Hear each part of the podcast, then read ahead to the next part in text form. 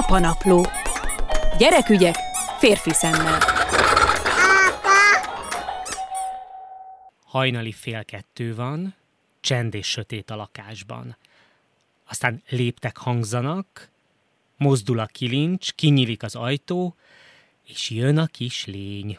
Vagy kettő. A szülők pedig felsóhajtanak, hogy igen, itt van, átjött, vagy itt vannak, átjöttek, és három megoldás van, vagy befogadják a gyereket a szülői ágyba, vagy megpróbálják rávenni, hogy feküdjön vissza a sajátjába, vagy valami harmadik felületet néznek, hogy mégse szokja meg, hogy a szülői ágyban alszik. Mi egyébként ezt a harmadik megoldást alkalmazzuk az elmúlt hetekben. A mai apanaplóban Polányi Viktória gyermekpszichológussal készülnék megfejteni az együttalvás, gyerekkel való együttalvás és különalvás rejtéjét. Polányi Viktória itt is van a vonalban. Szervusz! Szervusztok! Hát sok témában kértem a segítségedet az elmúlt hetekben, most eljutottunk ide, ahogy a bevezetőben mondtam, mi most a harmadik megoldást alkalmazzuk, hogy kinyitjuk inkább a kanapét, hogy ne szokja meg a gyerek, hogy a mi ágyunkban alszik, mert az mégis a szülői ágy, de igazából fogalmunk sincs, hogy mi a jó megoldás, és mit kell ilyenkor csinálni, be kell fogadni, meg kell szoktatni vele a saját ágyát, mit kell csinálni? Én azt gondolom, hogy örökérvényű megoldás, ami minden családban, minden helyzetben ugyanúgy beválik, sajnos nincsen. Abban biztos vagyok, hogy ami egyik családnál működik, az lehetséges, hogy a másik családnál abszolút kiveri a biztosítékot, vagy teljesen fordítva. Helyzetek vannak, amikben nyilván az ember próbálkozik, és próbálja úgy személyre szabni ezt az adott reakciót, hogy az lehetőség szerint mindenkinek a legjobb legyen. Kezdjük az alapoknál, hogy fél, bizonytalan? Tehát miért, miért jön át a gyerek az éjszaka kellős közepén? Nagyon sok oka lehet annak, hogy, hogy egy gyerek éjszaka átjön a szülői ágyba. Lehet az egyik ok tényleg ez a, ez a félelem. Alapvetően az evolúciós kód az, hogy a gyerek amíg nem tudja megvédeni magát, tehát amíg nem elég nagy ahhoz, hogy önállóan megharcoljon a kartfogó tigrissel, vagy elszaladjon előle, addig, addig együtt alszik szívesen a szülőkkel, mert hát ugye gyorsabban fejlődtünk társadalmilag, mint evolúciósan. Most már nincsen kartfogó tigris, de az igény még ezekben a picurkákban azért fennáll arra, hogy együtt aludjanak. Van, akiben ez aktívabb, van, akiben kevésbé, van, aki megszokja azt, hogy külön alszik, van, aki sosem szokja meg igazán. Felmerülhet egy olyan ok is, hogyha már a kisgyermek jól aludt a saját ágyában viszonylag hosszasan, hogy eljön az a bizonyos korszak, amikor elkezdünk a, a az azonos nemű szülőre féltékenyek lenni, az ellenkező nemű szülőben meg szerelmesek lenni, ez az Oedipus komplexusos vonalon mozogva, és és ebben az időszakban meg felmerülhet például az, hogy hát akkor, akkor én miért nem aludhatok az imádott szülő mellett, hogyha ez a genyó másik itt alhat mellette. Ez is lehet akár egy indok, de még ezernyi. Lehet, lehet aktuális, aktuális helyzetekhez köthető állapot. Most éppen valami bántja, nyomatja, és majd egy hét múlva elmúlik. Lehet ez egészségi állapothoz is köthető. Néha az együttalvás pusztán arról szól, hogy mondjuk kevesebbet kapott a gyerek az utóbbi időben valamelyik szülőből, és akkor ezt szeretné éjszakapótolni.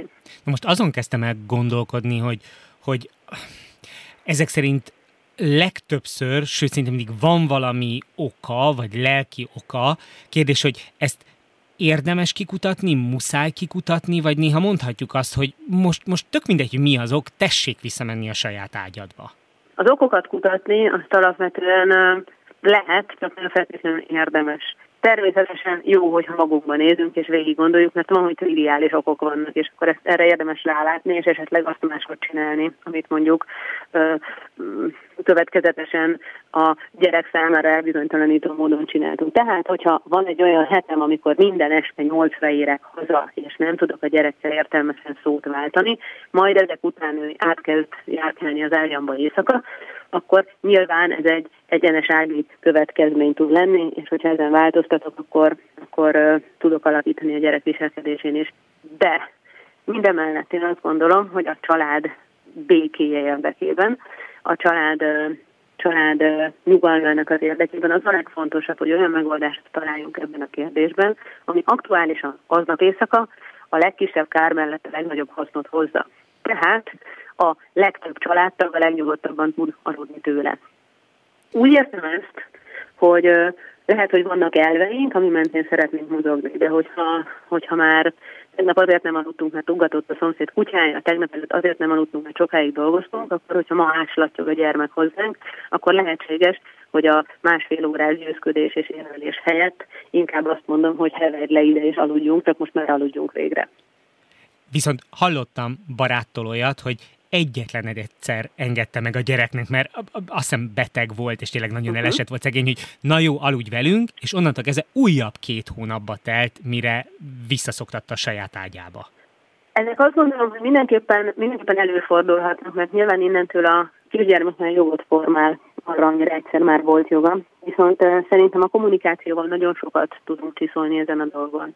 Hogyha én szülőként tudatosan tisztában vagyok azzal, hogy ez egy egyszeri és megismételhetetlen alkalom, vagy nem szeretném sokat megismételni, akkor már az elején érdemes úgy kommunikálni, te figyelj, én nem szeretném, hogy, hogy egy ágyban aludjunk, mert úgy nem tudok jót aludni, mert akkor folyton figyelek arra, hogy hogy motorok, és akkor másnap nem leszek kipihent, nem tudom jól végezni a munkámat, bla bla bla.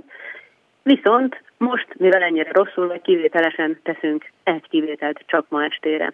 Ez most egy különleges alkalom, csak ma lesz ilyen, holnap már szerencsére valószínűleg jobban lesz, és akkor minden tud menni rendesen. Jó, jó. És akkor a gyermek is érzi azt, hogy ez egy, ez egy különleges pillanat. Nyilván nem mindig tudunk ennyire tűhely pontosan tudatosak lenni hajnali fél háromkor, első legszebb álmunkból felriasztva, de hát érdemes törekedni rá.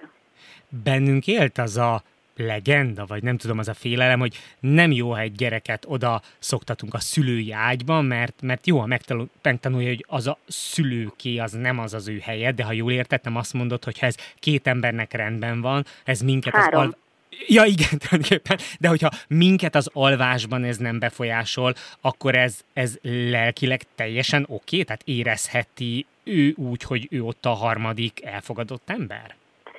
Én azt gondolom, hogy nem csak az alvásról van itt szó, hanem az összes, összes szereplő, összes szükségletét érdemes nagyító alá venni és, és rangsorolni. Alapvetően egy családban, hogyha a szülők jól vannak, ha az anya jól van, akkor általában már mindenki jobb eséllyel van jól, de ha a szülők jól vannak, akkor általában mindenki jól van. Következésképpen, hogyha a szülőknek megvan az a felnőtt privát idejük, amit egymásra figyelve, egymásra koncentrálva el tudnak tölteni. És most itt nem feltétlenül 18 korikás dolgokra gondolok, csak arra, hogy oda tudok fordulni a párom felé, és mondjuk tudok egy fél órát úgy beszélgetni vele, hogy nem folytott hangon kell lesz megtennem, hogy ne szakít félben, félben közben senki.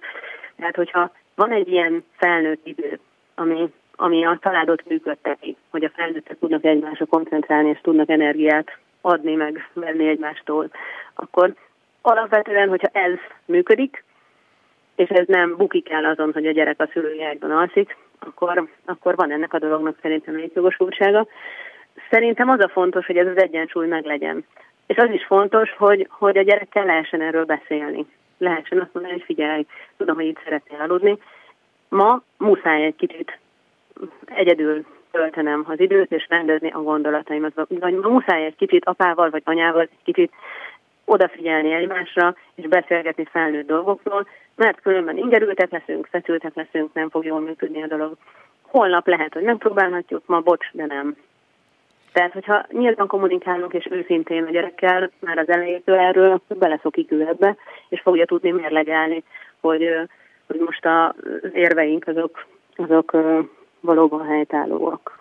Én azt hittem egyébként, hogy ez az egész együttalvás, külön alvás probléma, ez az első két-három évre korlátozódik, aztán, hogy az elmúlt egy-két hétben megosztottam, megosztottam a gondolataimat barátokkal, kiderült, hogy nem, hát 6-7-8 éves gyerekek is simán átjárnak a szüleikhez. Én már nem emlékszem, hogy mit csináltam gyerekkoromban, de az, az, az is még teljesen oké, okay, hogy 6-7-8 évesen átmegy az ember? A családi konszenzus a fontos ebben. Én például szerencsés helyzetben vagyok, mert mi a párommal annyit egyik részében együtt, a másik felében külön lakunk, tehát a külön töltött napokon van, hogy a kisfiam velem alszik. De az teljesen egyértelmű, hogy amikor mind a két felnőtt a házban van, akkor a, a felnőtt ágy az a felnőtteké.